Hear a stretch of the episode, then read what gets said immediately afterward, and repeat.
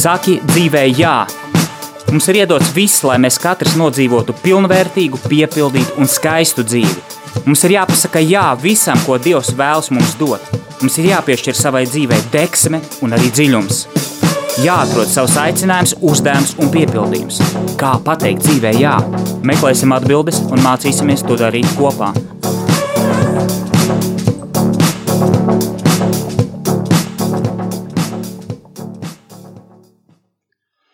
Sveicināti, darbie radio klausītāji! Klāt ir ceturtdiena, un klāt ir raidījums Saki dzīvē, jā! Un ar tādu pavasarīgu noskaņu pirms uh, lielajām brīvdienām, mums, kā, kā zināms, ir priekšā četras brīvdienas. Es aicināšu jūs šodien parunāt, aizdomāties, atkal iedot tādu impulsu. Parunāsim par tādu lietu kā grāmatu lasīšanu varbūt tās tā tāda nav varbūt sevišķi dziļa tēma vai teoloģiska vai kāda savādāka, bet man liekas ļoti aktuāla tēma, jo mēs dzīvojam laikmetā, kad mūs ir pārņēmušas šīs ciparu tehnoloģijas, kad mēs visu informāciju iegūstam no, no datora, no ekrāniem, no, no mm, telefoniem. Ja? Jebkurā gadījumā mēs dzīvojam tādā ekrānu virtuālajā pasaulē. Un tad ir jāuzdod jautājums, vai lasīšanas kultūra izmirst vai viņa joprojām ir dzīva.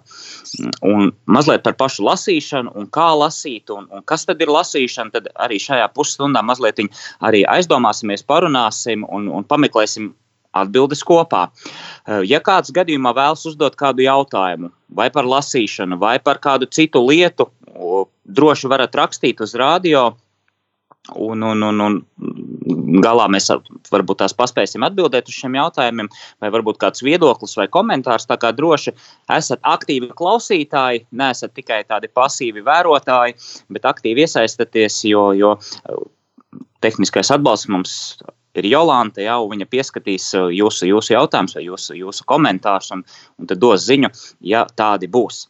Lūk, nu ko, ķeramies klāt pašai tēmai - lasīšana, grāmatu. Kāpēc vispār lasīt grāmatas un, un, un vai grāmatas, kā viņas mūs ietekmē, mūsu dzīves kvalitāti un kā viņas ietekmē mūsu iekšējo pasauli?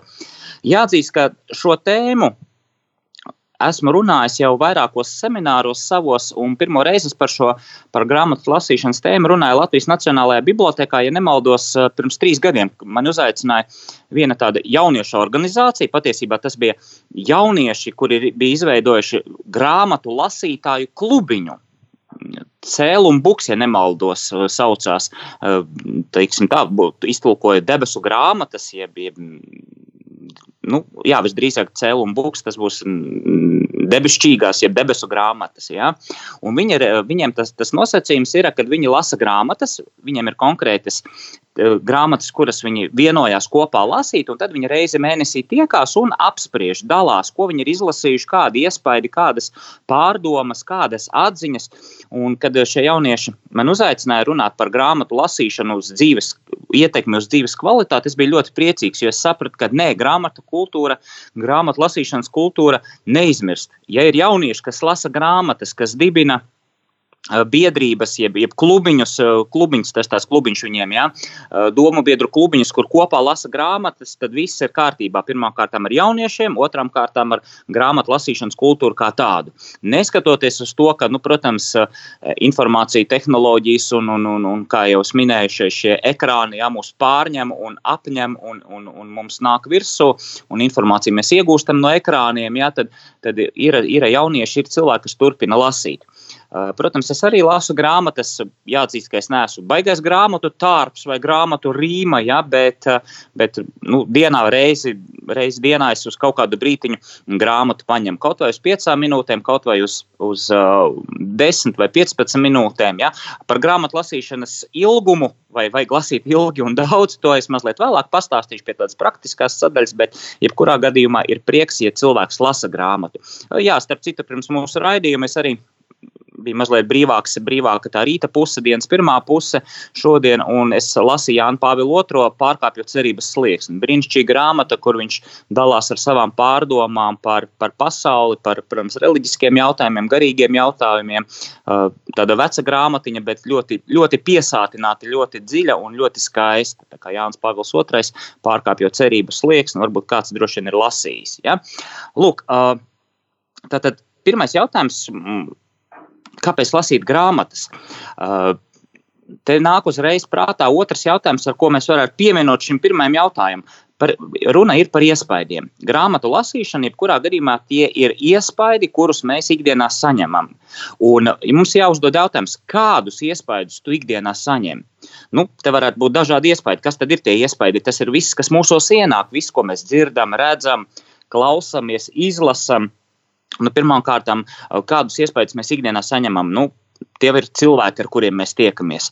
Un mēs varam uzdot jautājumu, vai viņi tevi iedvesmo, vai te viņi, viņi tevi paceļ, palīdz, padara labāku, vai viņi ir tieši pretēji, varbūt tās čīkstuļi, nomākti, pesimistiski, saka, ka viss ir slikti, tuliņi nočipos, tuliņās vispār viss aizvērsies vēl vairāk un tā tālāk. Ja?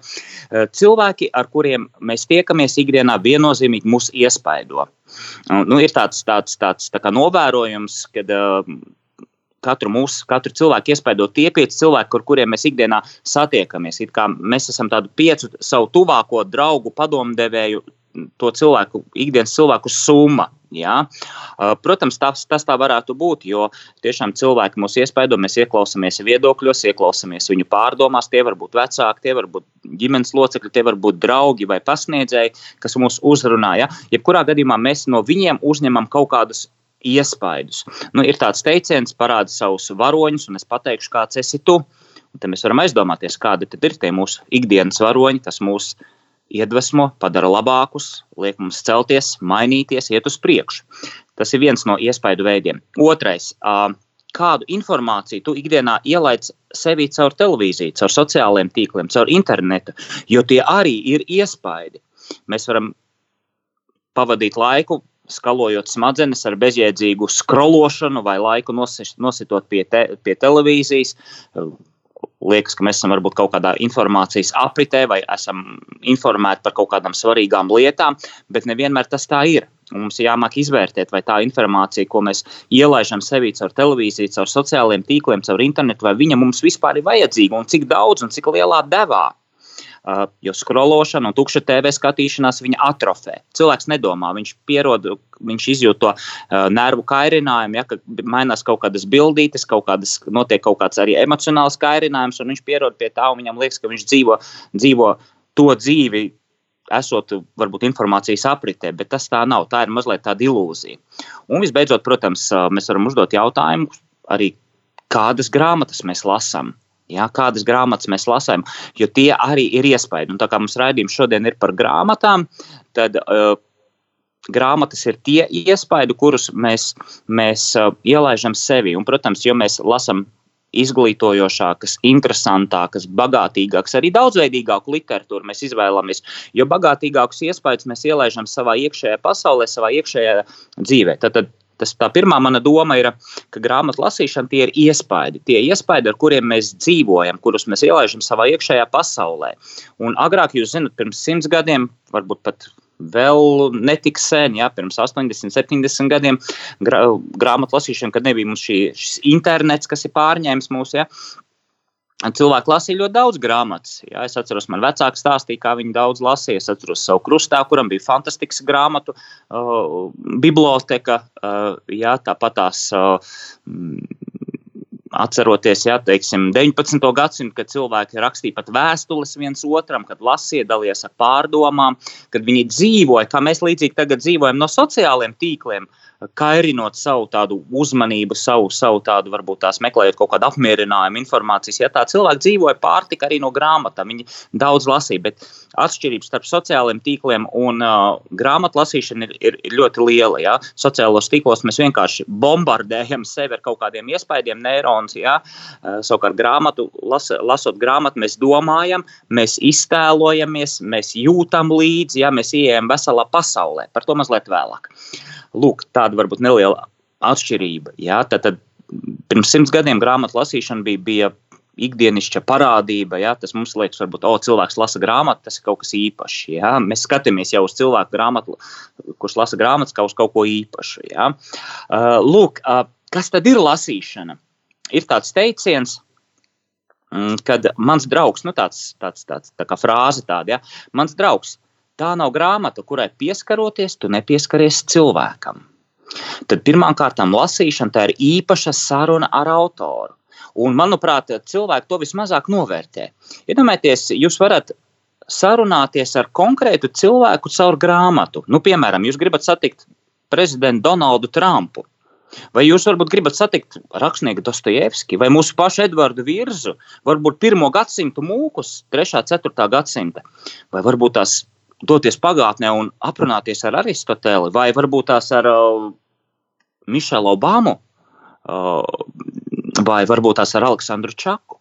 Mums ir tāda iespēja. Mums nevajag laika mašīnu.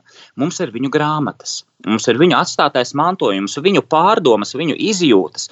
Un tad, kad mēs lasām grāmatu, tā ir mūsu īpašā saruna ar tās autoru.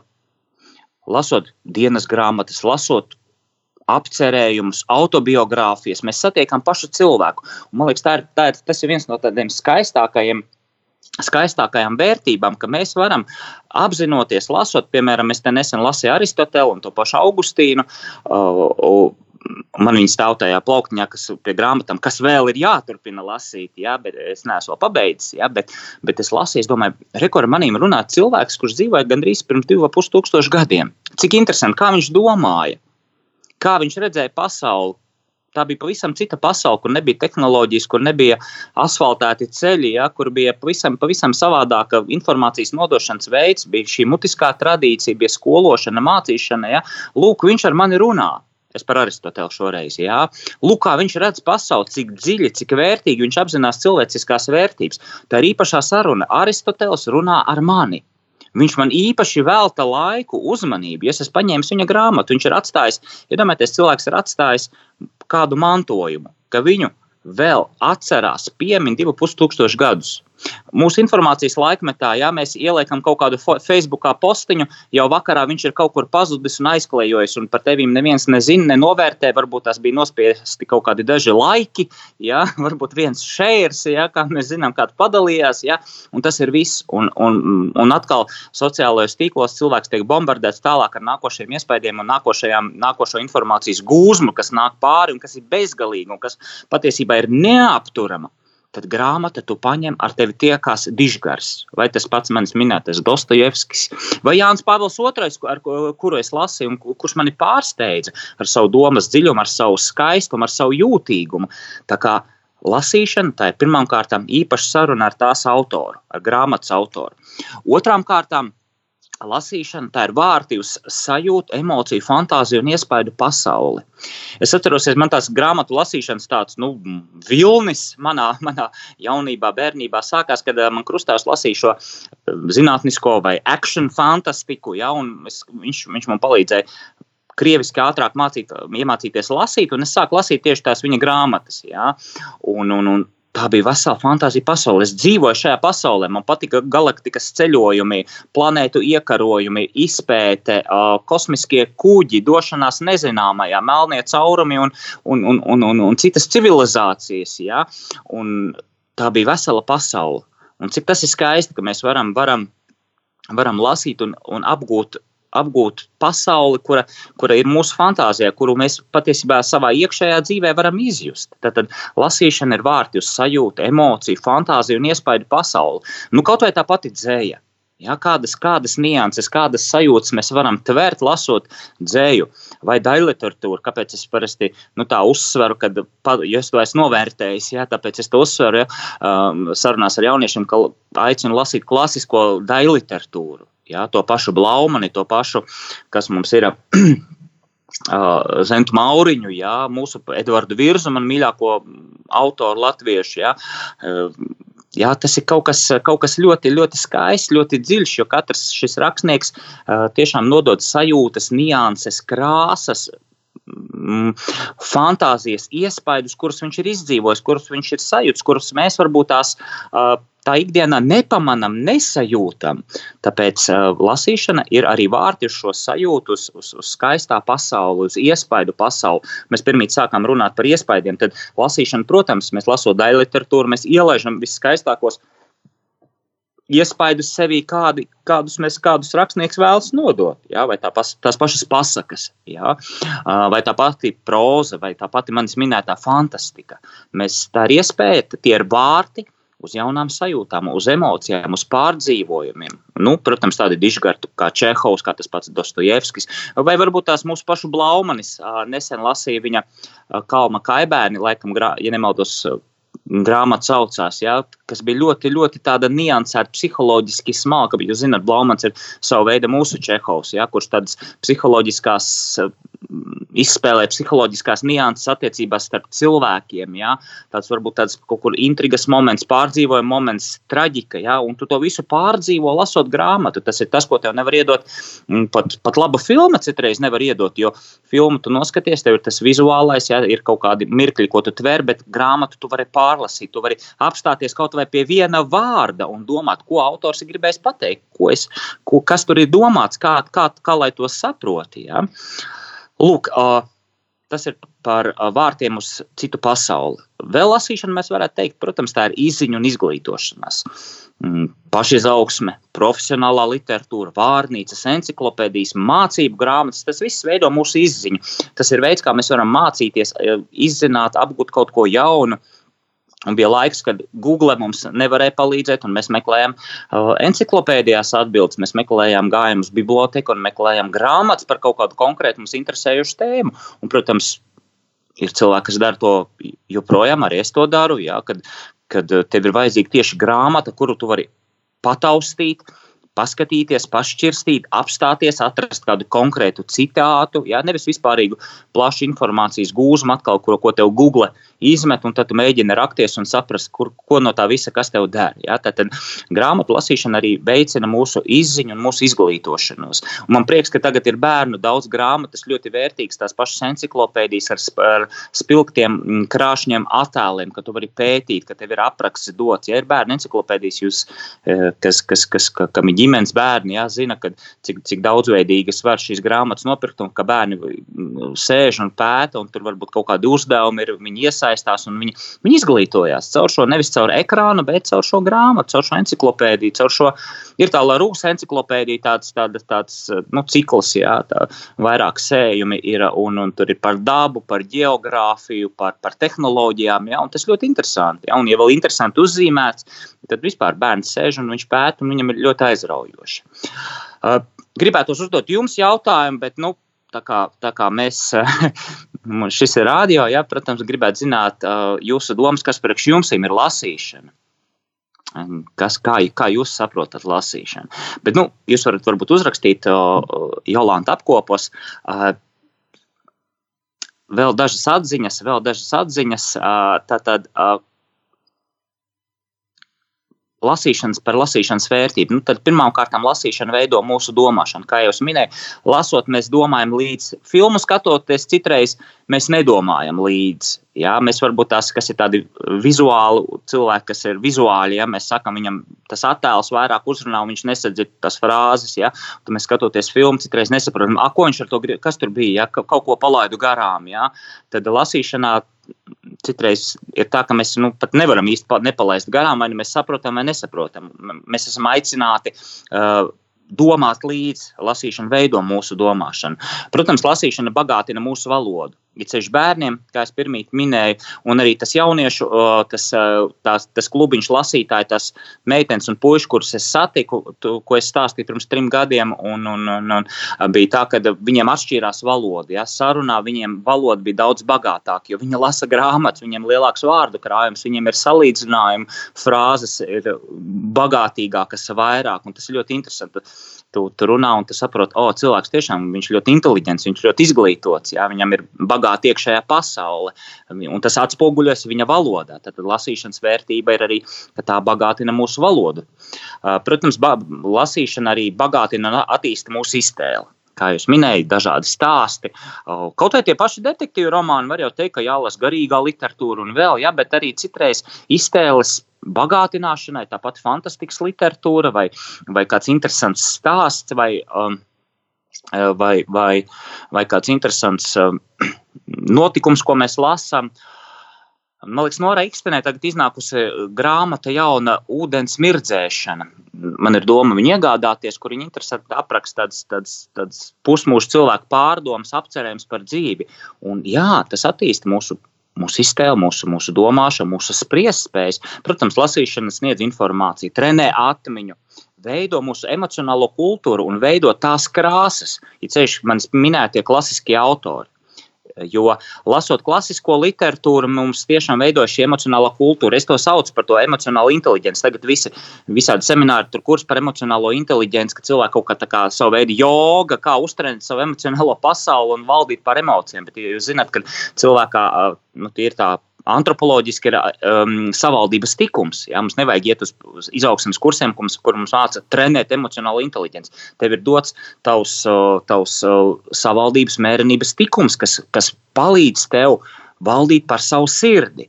Un veidot savu emocionālo kultūru, savaldīt savas negatīvās emocijas un izkopt labās, skaistās emocijas. Un viennozīmīgi, ka, ka tajā palīdz klasiskā literatūra kur mēs redzam šīs, šīs psiholoģiskās krāsas, lasot to pašu Blaumanu vai Čehovu, vai to pašu nu, Dostojevski vai, vai, vai, vai to pašu Zentu Mauriņu, jā, kur mēs redzam, ka mēs, mēs bagātinamies, mūsu sirds kļūst plašāk, mēs ieraugam krāsas, kuras mēs paši, paši sevi nespējām saredzēt.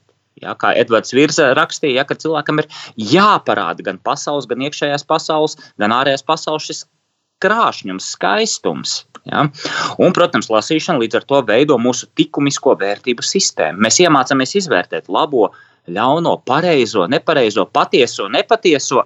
Tas viss parādās stāstos, apcerējumos, eh, arī garīgajā literatūrā, kas vairāk tāda, es teiktu, mācību literatūra, piemēram, tas pats eh, Kempens Toms, sekošana Kristum, jā, tā ir vairāk tāda garīgā rokas grāmata, bet viņa audzina tevi, viņa parāda tos varbūt tās eh, zarus vai sprungļus, uz kuriem tev nevajag savā, savā garīgajā dzīvē kāpt un parāda to pretējo pusi, vai, teiksim, palasot Jozefu Ratzingeru vai mans minēto Jānu Pāvilu II, viņi parāda tās vērtības, dēļ kurām ir vērts dzīvot, kuru kurus viņi ir paši atklājuši savā garīgajā dzīvē. Līdz ar to arī lasot, mēs likumiski augam. Fjodors Dostojevskis ir teicis, ka mācieties un lasiet nopietnas grāmatas. Dzīve izdarīs visu pārējo. Nu, tas ļoti interesanti, vai ne? Tas bija laikmets, kad uh, Dostojevska laikmets bija, kad cilvēki bija literāru klubi, uh, literāru tādas tikšanās uh, vakari, ja, kad dzēnieki, rakstnieki dalījās ar savām, saviem, saviem darbiem, ar fragmentiem no tām, tad viņi apsprieda un naktīs sēdē runāja, bija diskusijas par, par, par dzirdēto. Ja, mums tā vairs nav. Mums nav tāda lasītāja literāru klubi, kur mēs sēdētu un pārunātu, piemēram, ko kāds teiksim, no Rikstena uzrakstījis savā romānā. Ja.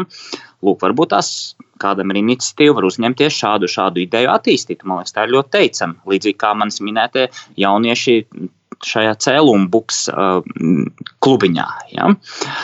Vēl tādas maz, mazliet tehniskās, protams, arī lietas, uh, tāda varbūt uz tādu izaugsmu skatoties, um, kā tad lasīt grāmatas. Ir cilvēki, kas, uh, kas, kas nu, grib lasīt, bet viņi, viņi varbūt nevar īsti, īsti sevi piespiest, vai nevar saņemties, vai īsti nezinu, kā, kā nu, tagad sēdēt, lasīt. Kā dzirdējuši, ka, ja, kad, ja lasa grāmatas, tad divas, trīs stundas.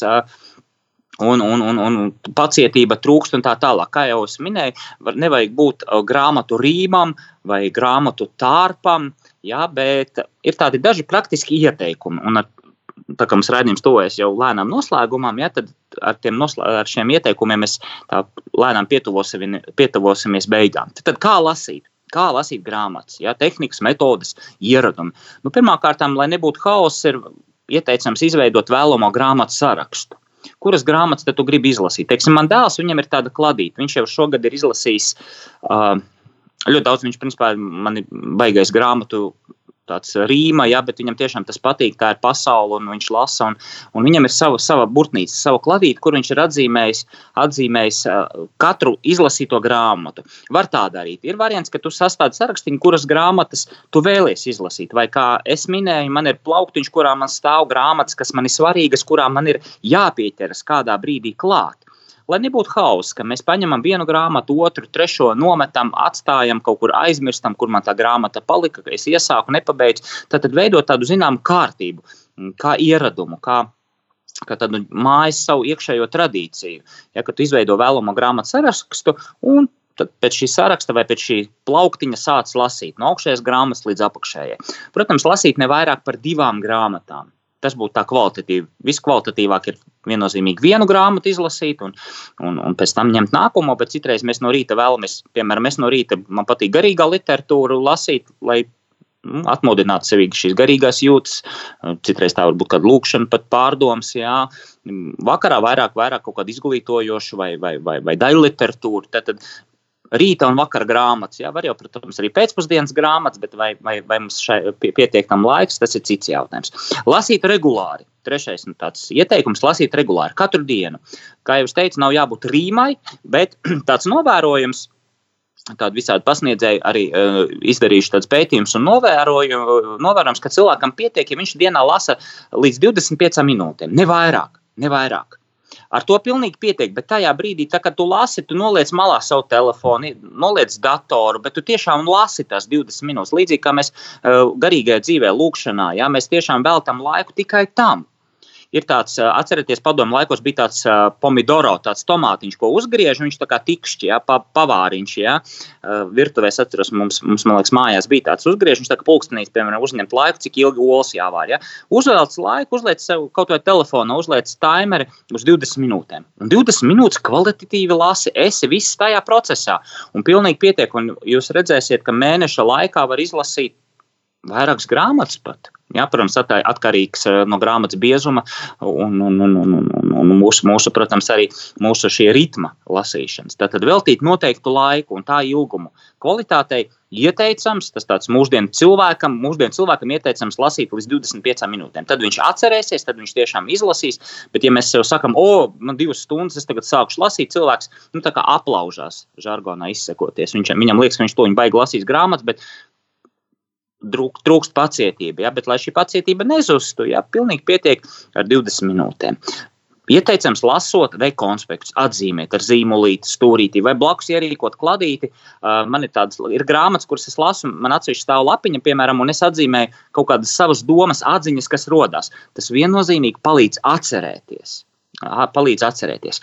Nu, ir tādas varbūt īpašas tehnoloģijas, eh, mūsdienīgas coachinga tehnoloģijas, ja, kad pirms eh, lasīšanas kā, mazliet pastaigāt, izveidot istabu ar skābekli, pie, nu, pāelpot, ja, lai smadzenes būtu skaidrs, skābeklis attīra mums asins, attīra smadzenes. Nu, tieši, ja.